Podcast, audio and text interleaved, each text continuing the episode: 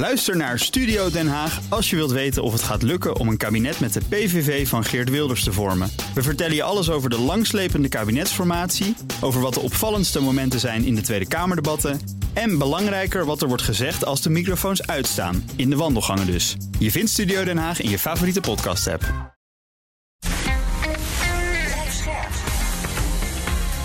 BNR Nieuwsradio. Boekenstein en de Wijk. Hugo Reitsma. Dit is een extra uitzending van Boekenstein en de Wijk in verband met de oorlog in Oekraïne en de crisis met Rusland. Het is zaterdag, dag 164 van de invasie. En wij hebben een vraag van Henk Makkenbach. Die zegt, beste Hugo, Arjan en Rob. Onlangs luisterde ik weer een aflevering uit 2021 terug. Altijd een goed idee. Daarin was Rob redelijk stellig dat Rusland geen invasie in Oekraïne zou uitvoeren. Mijn vraag is, met de kennis van nu, welke elementen ontbraken toen in jullie analyse, waardoor Rob dacht dat Rusland Oekraïne niet zou binnenvallen? En is er een mogelijke verklaring dat jullie een beter beeld van de onkunde van het Russische leger hadden dan de Russen zelf? Ja, dus een hele, ik, vind het echt een hele, ik vind het echt een hele goede vraag. En uh, hij is al, uh, het is niet de eerste keer dat die gesteld wordt. Een hele hoop analisten die hadden het gewoon fout. Uh, ik heb dat uh, op, uh, in onze eigen podcast gezegd. Toen belde iemand van de NAVO mij op en die zei: Rob, ze gaan echt een interventie uitvoeren. Hmm. Toen zei ik: Maar dat is toch eigenlijk zelfmoord? Want hoe kan je in godsnaam, en dat is de reden waarom ik zei: van dat gaan ze niet doen, met 150.000 man een land bezetten. Dat hmm. kan niet. Het enige wat je eventueel zou kunnen doen uh, zijn beperkte operaties. Je zou eventueel Kiev kunnen bezetten. Je zou de Donbass gedeeltelijk kunnen bezetten. Maar je zou zeg maar de provincie Luhansk en Donetsk kunnen uh, bezetten. Maar daar houdt het ook niet op. Maar mm-hmm. veel meer heb je niet. Want als je gewoon gaat uitrekenen wat je met 150.000 man gaat doen. Nou, dan moet je, dat getal moet je eerst door drieën delen, bij wijze van spreken omdat uh, uh, zelfs militairen niet 24 uur uh, per dag hm. kunnen, kunnen optreden. dus je hebt er maar 50.000. Dus dat zijn aantallen die verdampen in zo'n groot land. Hm. Ehm, maar wat is er nou fout gegaan? Dus de NAVO had het goed. En we weten dus ook waarom de NAVO het goed had. Omdat die Russen zo stom zijn geweest. Om via open kanalen hun, ehm, hun oorlogsplannen te gaan uh, bediscussiëren. Mm-hmm. Waardoor ook de Oekraïners in de buurt van Kiev eigenlijk de verdediging konden inrichten. Dus ze wisten ongeveer, of ze wisten, wij wisten niet, maar ze wisten ongeveer wat daar ging komen. Omdat uh, die, die Russen een fout hebben, gemaakt. Maar de Russen hebben nog een andere fout gemaakt die even belangrijk is. Daar hebben we het wel eens een keer eerder over gehad. Uh, in een televisieprogramma uh, in Rusland is op een gegeven ogenblik te sprake gekomen dat verondersteld werd dat 30% van de troepen van Oekraïne zou overlopen. Nou, als dat het geval was geweest, dan had de hm. situatie er totaal anders uitgezien. En dan hadden ze, hm. hadden ze dat inderdaad kunnen doen. Uh, nou, dat wisten we niet uh, op dat moment. Dus uh, het is een enorme falen van de inlichtingendiensten geweest, wat hm. Rusland heeft gedaan. Zo stomzinnig. dat geen enkele analist met zoveel stomzinnigheid rekening had gehouden. Hm uiteindelijk zijn ze met te weinig troepen, en daar zitten ze nog steeds mee, dat gebied binnengegaan. Want daarom zitten we eigenlijk al uh, een paar maanden lang bijna elke uitzending soms hetzelfde te vertellen. Namelijk mm -hmm. dat de padstelling is dat ze geen, geen millimeter vooruit komen. En uh, daar zit dus echt het hele punt in. Uh, ze hebben iets gedaan wat gewoon niet kon met die troepen. En waarvan analisten zeiden: als je dat doet, dan ben je gewoon bezig met zelfmoord. En toch hebben ze het gedaan. Dus uitermate irrationeel hm. uh, en gebaseerd op een totaal stomzinnige inschatting van de inlichtingendiensten. Het blijft toch echt verbazen dat in zo'n ja. slim iemand als Poetin. Hè, moet je luisteren, Poetin kent zijn geschiedenis ook. Hè.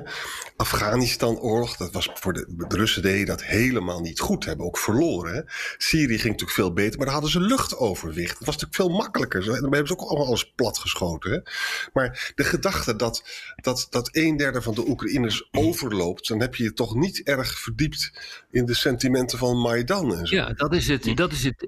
Ik denk hè, dat toekomstige historici zullen echt daar naar gaan kijken. Hm. Van hoe kan het dat je zo onwaarschijnlijk fout zat?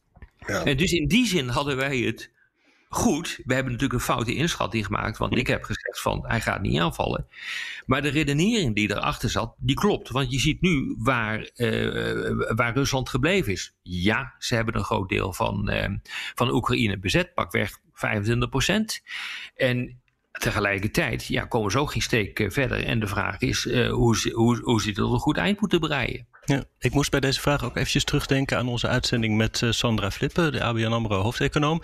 Een beetje een ander verhaal. Dat ging over gas en over Europa en over de economie. Wat ze toen zei is dat ja, onze modellen zeggen dit en dat. Maar wij weten dat onze modellen die onderschatten altijd de menselijke factor. Want dat, dat zit daar gewoon niet. Dat kan je niet kwantificeren. Dat Geldt dat, als dus de vraag van Henk hier is van welke elementen ontbraken toen in jullie analyse? Dat dat misschien ook is de menselijke factor? Uh, ja, en ik denk ideologie het idee dat je uh, een broedervolk uh, gaat, gaat aanpakken. Je valt binnen in een land waar een broedervolk zit. En dat je dan vervolgens denkt dat 30% gaat overlopen. Omdat ze je met vlaggetjes zitten te onthalen. En dat is dus niet zo. Dat is gewoon een. Ja, dat is menselijke factor. Ja, dat is ook ideologie. waardoor je in een tunnelvisie terechtkomt. Mhm. Maar, wat ik nog steeds niet goed begrijp is dat Poetin weet als geen ander wat er allemaal mis is in die Russische samenleving. Hè? Hij kent de corruptie van binnenuit. Ik, ik herinner nog dat filmpje dat hij in Sochi staat. Hè? Dat moest allemaal heel snel gebouwd worden. Ons onvoorstelbare corruptie. Hè? Ja. Nou, dat zie je dus ook in het leger gaan in de krijgsmacht gaan ook dingen fout met uh, openbare aanbestedingen natuurlijk vanwege uh, corruptie. Hè? Nou, logistiek, dat, die, dat er problemen met het Russische leger komen, is ook niet helemaal iets wat je niet, niet had kunnen zien aankomen. Hè? Hij weet gewoon dat hij alleen maar goed is in, in artillerie. Uh, geschud. Hè? Nou, hij, hij, integreert dus niet de verschillende onderdelen van de krijgsmacht in elkaar. En hij, hij maakt er dus niet een geoliede gevechtsmachine van. Maar dat was ook niet nodig geweest eerlijk gezegd, als een derde van de Oekraïnse strijdkrachten was overgelopen. Dan was er geen enkel mhm. probleem meer geweest. Dan had hij dat gewoon kunnen doen. Dan had je het allemaal niet nodig gehad. Maar nu moet hij ineens vechten en vindt heel Oekraïne tegenover zich. En dat is een heel ander verhaal. En bovendien heeft dit verklaard tot een, en dat is een andere fout, tot een eh, beperkte militaire operatie. Maar tegelijk, en dat, dat, dat betekent dat hij niet kan mobiliseren. Ja. Ja. En nu zie je dus dat de Amerikanen, maar de NAVO in algemene zin, alles aan probeert te, te doen om niet in conflict te komen met Rusland. Niet omdat ze dat niet zouden kunnen winnen op een of andere manier, maar omdat dat een aanleiding is voor uh, Rusland, voor Poetin, om te gaan mobiliseren. En dan, en dan wordt het een heel ander verhaal in Oekraïne. Ja. ja. En wat ik ook wel eens denk van, voor Rusland is de Oekraïne ook gewoon existentieel. Het is echt een onderdeel van het Russische Rijk. Dat, dat vindt hij ook echt. Hè? En hij dacht, nu of nooit. Nu kan ik met die gaskraan enorme rotsen in het westen maken. Nou, dat klopt, dat kan niet. En misschien dat ik ermee wegkom. En als ik straks, hm. wij, wij worden met al die corruptie, al die ellende, we zakken alleen maar verder weg. Ja. Nu moet ik het doen. En hij heeft eigenlijk nu uh, ja, hij zal, hij, hij, zal wel een deel van de Oekraïne helaas krijgen. Maar hij heeft ook heel veel zwakte van het Russische Rijk laten zien. Mijn hemel zeg. Ja, klopt, klopt, klopt. Maar ja, uh, jongens, elf tijdzones. Aan de andere kant ligt uh, China. Ja. Uh, dat land verdwijnt niet dus er wordt heel makkelijk gezegd, wij moeten dit allemaal kunnen winnen. En uh, een land met elf tijdzones, echt, neem het van mij aan, is veel te groot. Rusland verdwijnt niet en China verdwijnt ook niet. We hebben gisteren natuurlijk in onze uitzending uitgebreid gehad over hoe we moeten aankijken tegen de verbreding van het conflict en de situatie rond Taiwan. Is er iets dat we kunnen leren van inschattingen die hier zijn gemaakt rond Oekraïne en die we nu proberen te maken rond China en Taiwan? Misschien menselijke en ideologische factoren ja, die we niet goed kunnen beoordelen? Ja, kijk eens, eh, wat het betreft, eh, wat het betreft eh, de situatie in Taiwan, eh, kijkt eh, eh, Xi even ideologisch naar Taiwan als hm. Poetin naar Oekraïne. Ja. kijkt. Dus je kunt veronderstellen dat er dus ook massale inschattingsfouten worden gemaakt. En misschien wel een te groot optimisme bestaat bij het uh, aanpakken van Taiwan. Uh, als je ook daar denkt dat de helft van de bevolking wel uh, jou gunstig eh, gezind is en je zal eh, ontvangen met Taiwanese vlaggetjes, ja, dan zou je wel eens een keer een geweldig probleem kunnen hebben. Ja. En, en ook andersom, hè, van de, als je naar Xi inzoomt. Xi staat onder ontzettende druk. Die moet eigenlijk ook successen laten zien. Hè? Want hij krijgt dus in de herfst zijn derde term. Hè? En daarnaast heeft zijn COVID-beleid is rampzalig geweest. Rampzalig.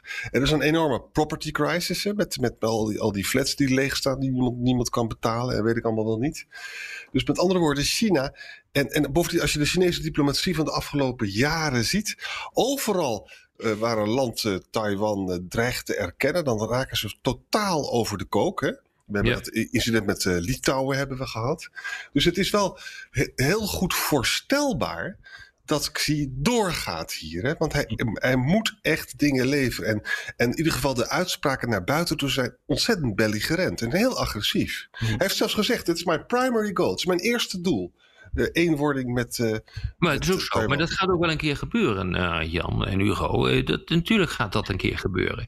Maar de grote vraag is: voor welke prijs? Uh, kijk, het, het, het is.